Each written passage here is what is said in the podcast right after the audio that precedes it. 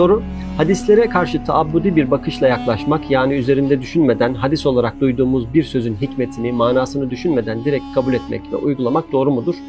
Evet doğrudur fakat şu iki hususa dikkat edilirse doğrudur. Birincisi ilgili hadis sahih olmalı. Bundan bahsettik. İkincisi konuyla ilgili diğer hadislerde iyi bilinmeli. Çıkarılacak hüküm hadisten gerçekten de çıkarılabilir olmalı. Yani hadisin manası doğru anlaşılmalı. Şimdi hadislerin bağlayıcılığı daha uzun açıklamayı gerektirecek bir konu ve aynı zamanda geleneğimize biraz ters görünse de şu kadarını diyelim. Belirli bir konuda hüküm verirken insan fiilini bağlama açısından sahih olması ve manası doğru anlaşılması kaydıyla hadis ayetten daha bağlayıcıdır. Şu manada diyorum arkadaşlar. Bir konu hakkında Kur'an'dan bizim anladığımız manayla sahih hadis ve Peygamber Efendimizin uygulamalar arasında bir çelişki varsa Efendimizin uygulaması tercih edilir değil mi? Çünkü Kur'an'ı peygamberimizden daha iyi anladığımızı söyleyemeyiz. Kıymet olarak tabii ki Allah kelamı olması açısından Kur'an ve ayet daha kıymetli. Fakat sahih hadis insan fiilini daha çok bağlar diyebiliriz. Selef ulemasından da bu görüşte olanlar var. Zannedersem web sitesinde bu görüşte olan imamlardan bazı örnekler yazılmıştı. Yani şöyle düşünmek gerekiyor. Bir ders kitabı ve o dersin hocası vardır. Kitap daha yüksek bir otorite tarafından basılmıştı. Mesela Milli Eğitim Bakanlığı gibi.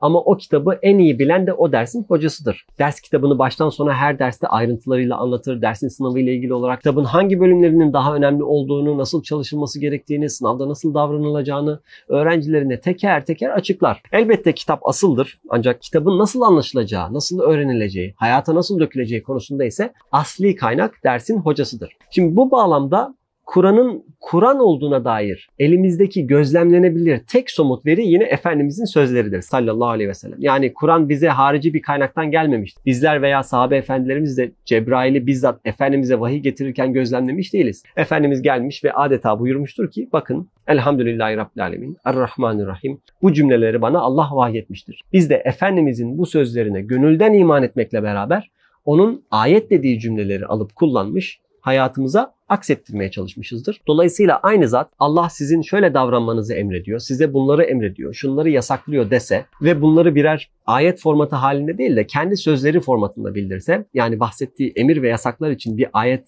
okumasa da yine kendisini dinlemeli, ona itaat etmeli ve aynı şekilde davranmalıyız. İşte bu anlamda sahih olması ve bize doğru ulaşması kaydıyla hadisler ayetlerden daha bağlayıcıdır. Çünkü ayetler genel ilkeyi verir, hadisler ise uygulamayı, pratiği gösterir. Yeterince hadis ve siyer okuyanlar sahabenin Efendimiz'e bazı ayetlerin ne manaya geldiğiyle ilgili sorular sorduğunu, bazen de Efendimiz'in bir soru sorulmadan sahabenin ayetlerle ilgili bazı yanlış anlamalarını düzelttiğini görmüşlerdir. Mesela ayette inanıp da imanlarına herhangi bir haksızlık bulaştırmayanlar var ya, işte güven onlarındır ve onlar doğru yolu bulanlardır ayetiyle ilgili sahabe efendilerimiz hangimiz nefsine zulmetmemiştir ki şeklinde endişelerini beyan edince Efendimiz sallallahu aleyhi ve sellem buradaki zulüm Allah'a şirk koşmaktır buyurmuş ve ardından muhakkak ki şirk pek büyük bir zulümdür. Lokman suresinden ayeti okuyarak hatırlatmış. Yani ayette bahsedilen zulüm kelimesinin anlamını somutlaştırdığını, şirkle tefsir ettiği umumi anlaşılan bir kavramın spesifik veya özel anlamını açıkladığını ve sahabenin düşüncelerini düzelttiğini görüyoruz. Veya sabah namazının vaktiyle ilgili bir ayeti yanlış anlayan sahabeye takıldığını ve işte Bakara suresinde geçen bir ayet.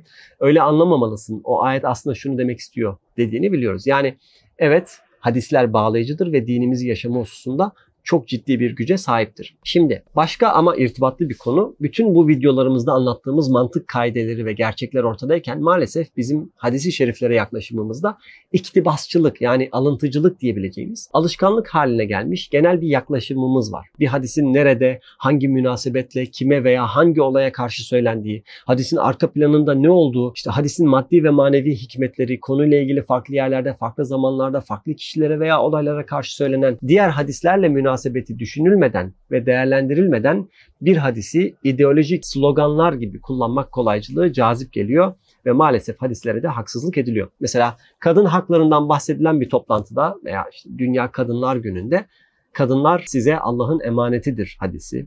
Hiç nerede söylenmiş, ne hikmetle söylenmiş, başka yerde başka neler denmiş bilinmeden sadece hadis tüketmek için kullanılması. Yanlış anlamayın da. Mesela para toplanan bir mekanda işte sadaka belayı def eder. Ticaret konuşulan bir yerde rızkın onda dokuzu ticarettedir gibi veya imanımıza laf atan birine başkasına kafir diyen kendisi kafir olur demek gibi slogan şekline inmiş ve tüketilip atılan bir söz haline gelmiş hadisler var maalesef. Bu durumun kültürel ve toplumsal nedenleri var. Çünkü en başta okumayı ve araştırmayı seven bir toplum değiliz maalesef. Ama geçmiş yüzyıllardan beri gelen nedenleri de var. Sonuçta hadisler bize derli toplu bağlamları ve arka planları belirgin, açık bir öğreti içinde aktarılmış değil.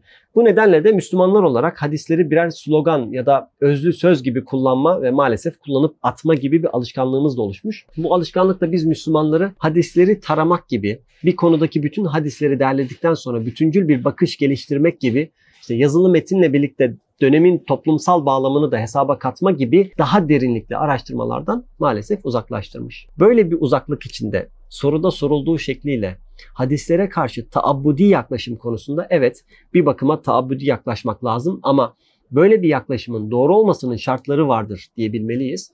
Bu şartlar aynı zamanda bir hadisi doğru anlama ve yorumlamanın da şartlarıdır ki önceki videolarda bu şartlara işaret etmiştik. Buna göre birincisi evet Efendimizin mübarek ağzından dine dair çıkan bütün sözler tartışmasız şekilde bağlayıcıdır ve bu bağlamda bu sözlere karşı taabbudi bir yaklaşım kesinlikle doğrudur. Ancak hadis esasında Efendimiz'den gelen özel bir bilgi olduğu için onlara sistematik şekilde yaklaşmak ve bilinçli bir şekilde yorumlayabilmek gerekli. Aksi halde az önce belirttiğimiz gibi bir iktibasçılık yani alıntılama, hadisleri sadece özlü sözler gibi kullanma, konteksten çıkarma, o hadislere özen bir, özenli bir yaklaşım olmadığı için hadislerden doğru dürüst istifade etmemizi engeller arkadaşlar.